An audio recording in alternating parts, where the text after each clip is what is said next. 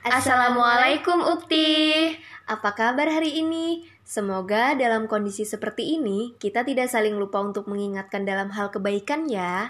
Amin. Sudah pada pulang kampung gak nih? Semoga sanak saudara di sana selalu mendapat perlindungan dari Allah Subhanahu wa taala. Alhamdulillah, uh, Ana besok insya Allah akan balik kampung nih untuk bertemu sanak saudara yang ada di kampung. Masya Allah, fi amanillah ya uh, stay safe uh.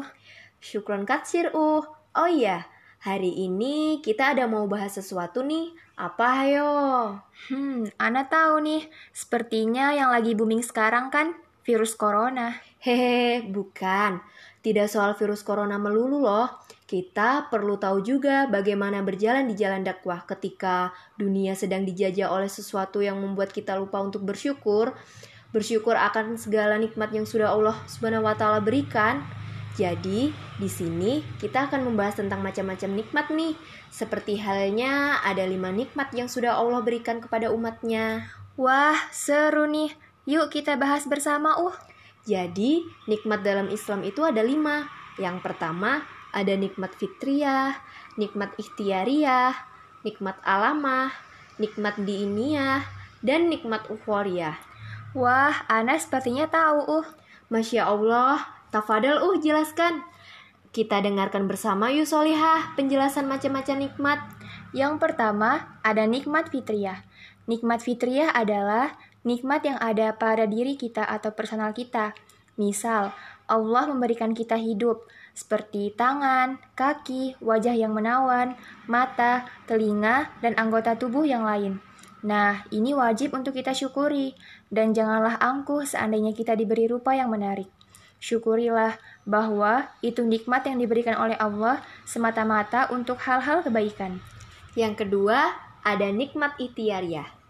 Nikmat itiariah Nikmat ini berupa nikmat yang kita peroleh atas usaha kita, misalnya harta yang banyak, kedudukan yang tinggi, ilmu yang bermanfaat, pengaruh besar, posisi, jabatan, tanah, mobil, dan lain-lain yang kita peroleh atas usaha kita. Nikmat ini harus kita syukuri, sedangkan harta yang kita miliki dan pergunakan ke jalan yang diridhoi Allah.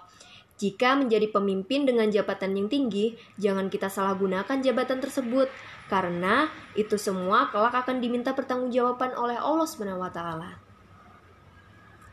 Yang ketiga, ada nikmat alamah. Nikmat alamah ini adalah nikmat alam sekitar kita. Kita tidak bisa hidup jika Allah tidak memberikan nikmat alamiah ini. Misalnya, air, udara, tanah, dan lain-lain. Mari kita syukuri semua ini dengan menjaga alam ini dari kerusakan, menjaga udara dari pencemaran, banyak-banyak menanam pohon, dan lain-lain. Keempat, ada nikmat diiniyah. Nikmat diiniyah adalah nikmat agama Islam, nikmat iman. Bayangkan, jika kita terlahir bukan dari rahim seorang muslimah, mungkin saat ini kita menjadi kafir, Astagfirullahaladzim, maka syukurilah nikmat-nikmat dunia yang diberikan Allah kepada kita dengan menjalankan perintah-perintah agama serta menjauhi larangan Allah taala. Yang terakhir ada nikmat ukhwariyah. Nikmat ukhori adalah nikmat akhirat.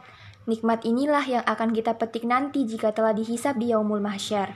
Nikmat ini tergantung dari apa yang kita perbuat di dunia ini. Jika semua nikmat di atas telah kita terima dan kita syukuri dengan baik, maka nikmat ukhori ini yang akan kita dapatkan dan rasakan jika nanti sudah di alam akhirat.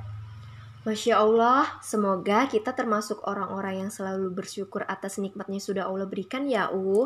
Amin ya robbal alamin. Oh iya Uh, by the way, Uh sudah packing belum? Kalau belum, boleh nih Ana bantu. Wah, kebetulan nih Uh, Ana belum packing. Kuyu, oh dengan senang hati. Eits, sebentar dulu. Kita tutup dulu ya podcast hari ini. Oh iya, Ana hampir lupa. Uh, terima kasih ya yang sudah mendengarkan podcast kami hari ini. Walau di sini kita masih sama-sama belajar, semoga hari esok lebih baik dari hari ini dan tetap selalu bersyukur. Semangat aktivis pecinta surga. Syukron kasir.